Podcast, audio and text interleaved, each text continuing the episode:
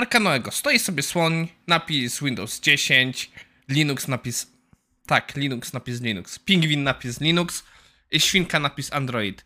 Obok stoi Noe i wskazuje na mieszankę e, głowa słonia, ciało pingwina i ogonek świni z napisem Windows 11. I Noe się pyta, co to do jasnej, ciasnej jest?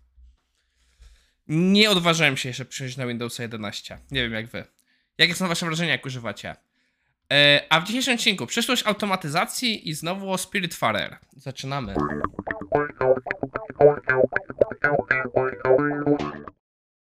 Okej, okay, dzisiaj nie mam dużo do powiedzenia. E, po pierwsze jest e, dzisiaj 23 lutego 2022. E, u mnie w momencie, gdy nagrywam, pada ostro śnieg. Ja nagrywam 22 i przydam się i myślałem, że koniec zimy, ale dzisiaj zima znowu się zaczęła. Anyway, koniec mordzenia, przejdziemy do materiałów. Naszym pierwszym materiałem jest The Future of Automation Requires More Than Technology. Bardzo ciekawy tytuł, ale w momencie jak zobaczyłem coś, co się nazywa Cerberus Testing jako autor czy osoba publikująca, doszedłem do wniosku, to będzie jeden z tych artykułów reklamowych, który jest do, do napędzenia SEO i nic więcej. I niestety tak trochę jest. Artykuł jest pusty. Autor ma trochę ciekawych przemyśleń, ale nic specjalnie nie wnoszących. Ponosi dyskusję na temat, jak wygląda quality at speed, że przechodzimy w trochę w bardziej szybsze dostarczanie i że automatyzacja często jest bottleneckiem. E, I trochę opisuje, jak obecnie wygląda landscape, gdzie bardzo upraszcza, ale mi się nieco podoba, że mamy modern users interfaces, yy, mamy bardzo natywne integracje z jakimiś cloudami, nie cloudami, jest sporo wbudowanego od reportingu, ale no, że musimy potrzebować bardziej next generation low code solutions, jeśli chodzi o testowanie. I e, tutaj autor pokazuje e, mniej więcej taką fajną tabelkę, e, co, gdzie, jak. Mniej więcej taki trochę podział tematów, które mają wpływ na właśnie powiedzmy codeless automation czy jak to nazywają scriptless. Przyznam się szczerze, ta tabelka jest głównym powodem, dla którego ten artykuł się pojawił tutaj, ale teraz widzę, że popełniłem błąd, bo ja myślałem, że to jest ich tabelka, a teraz widzę, że nie zaciągnęli ją skądś inąd, więc mogłem pójść do oryginału. I ta tabelka mniej więcej dzieli różne narzędzia wsparcia do testowania bez e, właśnie kodowania, że mamy Natural Language Processing, mamy Model-Based Testing, jeśli dobrze pamiętam, Arnika Hriszko parę lat temu miała fajną prezentację na ten temat.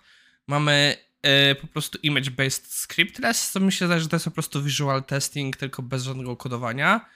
Recording screenshot, czyli znowu takie trochę automatyzacja, bardziej na zasadzie wyklikiwanie. Drag and drop based object mapping, czyli że po prostu składamy z klocków automatyzację, trochę jak logo Kameniusz E, keyword driven testing, gdzie ja nie jestem na 100% pewien, co zrobić z keyword driven testing. Dlaczego?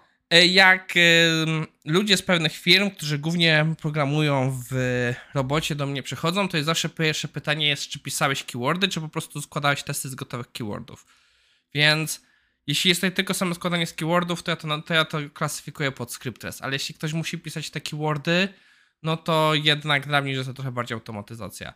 Object Driven Testing, muszę się trochę więcej doczytać, co to jest, bo pierwszy raz spotykam się z tym, terminem i większość moich googlowań prowadzi mnie do Object Oriented Programming i testowania w tym zakresie. No i wsparcie przez boty. Ciekawa tabelka, taka trochę wsparcie w tym. Miałem nadzieję, że autor trochę wejdzie więcej w rzeczy tutaj są, ale nie wszedł. Więc zapoznam się z oryginalnym artykułem, żeby yy, zapoznać się, co tam się dzieje. Naszym drugim materiałem na dzisiaj wracamy do gry Spiritfarer. Jeśli pamiętacie, oryginalnie o Spiritfarerze mówiliśmy w wrześniu, koniec września, tak, koniec września 2020.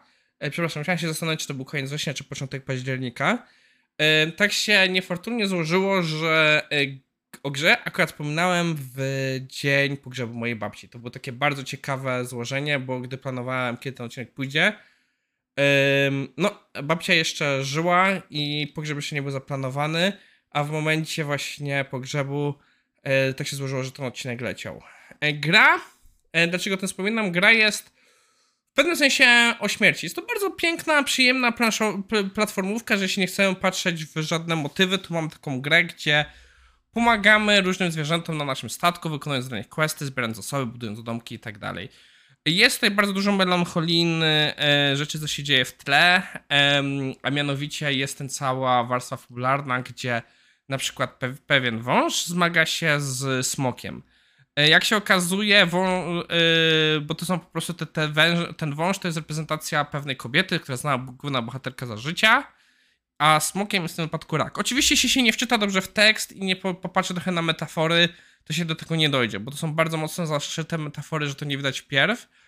E, I tak jak mówiłem, gra jest bardzo przyjemna, mi się bardzo dobrze w nią grało e, i tak się tak złożyło, że między innymi trochę mi pomagała też z pogodzeniem się ze śmiercią w rodzinie, bo gra pod tym względem jest trochę zaprojektowana wokół tego, że tak naprawdę główna bohaterka nigdy nikogo nie ratuje.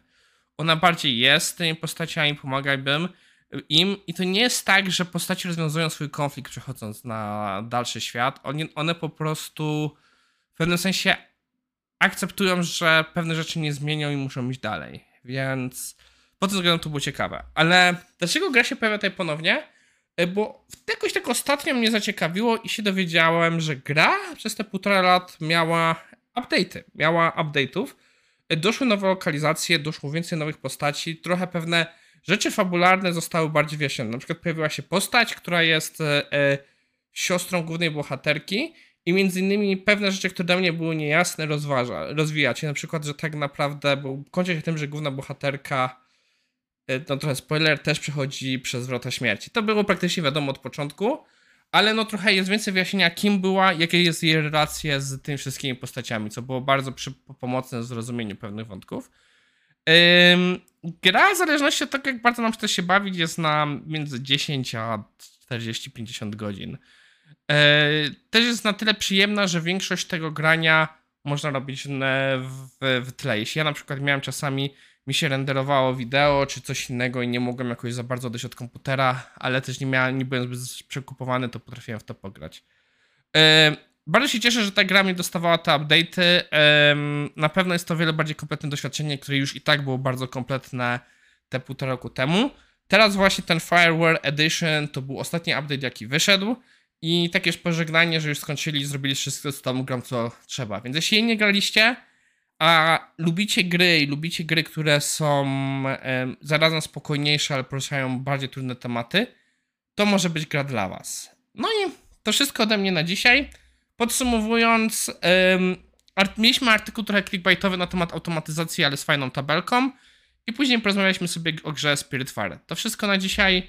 Widzimy się jutro. Nie zapomnijcie lajkować, subskrybować i te wszystkie inne morele.